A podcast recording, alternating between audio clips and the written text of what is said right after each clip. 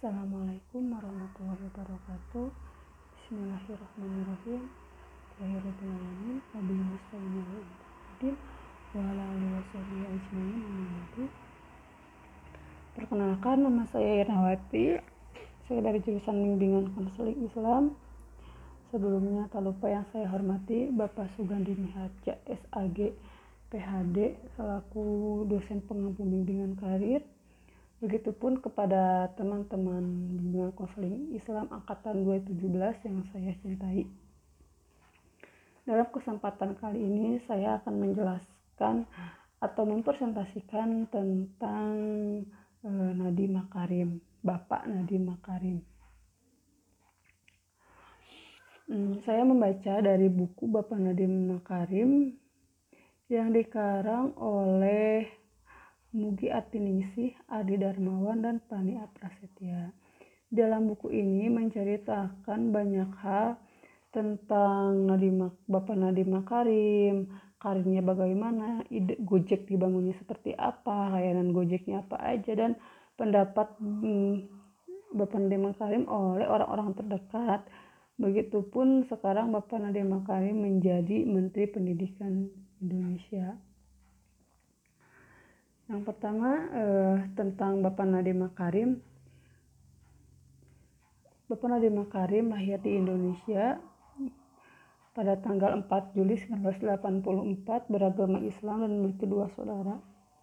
Begitupun dengan sekolahnya Bapak Nadiem Makarim ini sekolah pada waktu SD itu di Sekolah Dasar Al-Ijhar Pondok Labu Jakarta dan ketika sudah selesai SD eh, dia belajar ke luar negeri yang pertama di Dalton School New York, Underwood College of Southeast Asia, Singapura, dan Amerika. Nah, bagaimana proses belajar Nadiem, Bapak Nadiem Makarim ini? Yang pertama itu Bapak Nadiem, Bapak Nadiem Makarim pernah atau sempat diragukan oleh guru BK akan masuk ke Universitas Brown dan akhirnya eh, ia bisa masuk ucap di ucap Bapak Nadiem Makarim berhasil atau gagal urusan nanti. Yang paling penting ia tidak akan menyesal pada masa mendatang hanya gara-gara tidak pernah mencoba.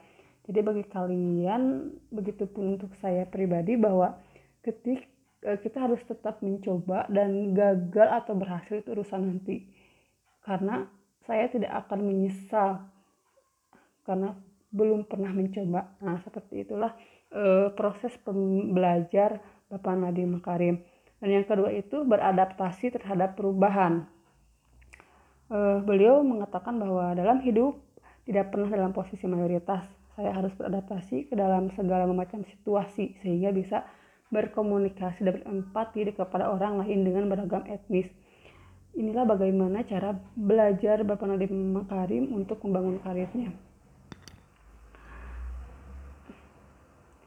Adapun uh, karir Bapak Nadiem Makarim setelah uh, beres sekolah yaitu dia pernah belajar di Michai Kinsei dan Company Indonesia, Jalora Indonesia, Kartuku, Gojek dan sekarang menjadi Menteri Pendidikan Republik Indonesia. Nah, kita pasti pengen tahu dong bagaimana uh, Bapak Nadiem Makarim bisa membangun Gojek itu bagaimana berdapat ide gitu. Nah di dalam buku itu diceritakan bahwa habis macet terbitlah ide. Jadi ketika Bapak Nadiem Makarim kerja sering menggunakan ojek dan memerlukan waktu lama untuk ke pangkalan ojek Bapak Nadiem Makarim mulai berpikir untuk membangun Gojek di Indonesia. Dan karena memang Bapak Nadiem Makarim bosan bosan menjadi pegawai dan ingin mengontrol takdirnya sendiri, maka Bapak Nadiem Makarim mencoba membangun uh, Gojek, perusahaan Gojek di Indonesia. Itulah asal mula uh, adanya ide untuk membangun Gojek. Beliau mengatakan siapa pun dapat mencuri ide Anda, tetapi tidak ada yang dapat mencuri eksekusi Anda. Jadi ketika kalian punya ide, maka cepat-cepatlah eksekusi, lakukan dan laksanakan.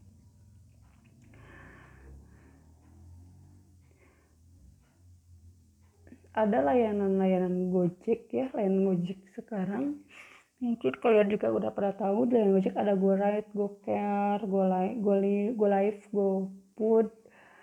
Nah Gojek ini sekarang sudah tersebar di beberapa negara yaitu di Vietnam, India, Filipina, Singapura, dan Thailand. Terus bagaimana Bapak Nadiem Makarim ini orangnya seperti apa dalam buku ini dijelaskan yaitu bahwa eh, Bapak Mulyono driver pertama Gojek mengatakan bahwa pendiri Gojek itu orangnya sederhana, gak sombong dan merangkul, tidak pernah membeda-bedakan. Bahkan anak saya pun saya namakan Nadim Saputra karena terinspirasi olehnya. Itu seorang Bapak Gojek driver pertama itu Bapak Mulyono begitupun eh,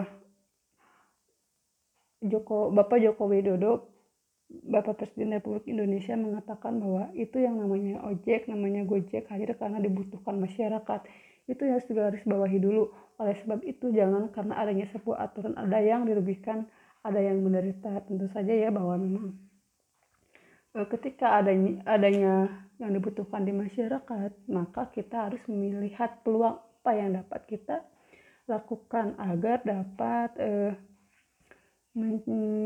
menemukan ide-ide yang dapat dibangun oleh kita. Itupun eh, menurut Bapak Andre Solisio, seorang CEO Gojek, sebesar apa pun tantangan dalam perjalananmu, nanti ingatlah bahwa Gojek akan selalu menjadi keluargamu. Seperti itu. Dan Bapak Nadiem Makarim itu orangnya teguh pendirian, pekerja keras, inovatif, optimis. Nah itulah eh, gambaran gambaran yang diceritakan atau dalam buku itu bahwa Bapak Nadiem Makarim itu seperti itu. Lalu bagaimana sekarang eh, Bapak Nadiem Makarim menjadi Menteri Pendidikan Republik Indonesia? Beliau mengatakan generasi muda harus dibekal kompetensi yang sesuai dengan tantangan saat ini. Bahasa Inggris, bahasa coding, statistik, dan psikologi.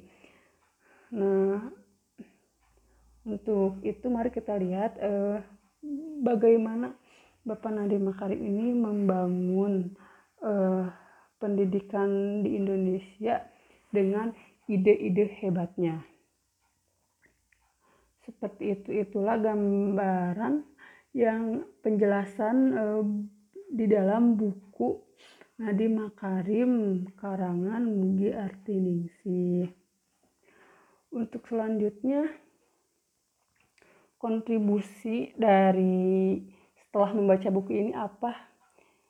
Untuk saya pribadi yang telah membacanya yaitu saya terinspirasi bahwa kita sebagai kaum muda itu harus lebih kooperatif inovatif dan mampu uh, menguasai tentang teknologi. Itulah uh, inspirasi saya ketika membaca buku ini. Jangan sampai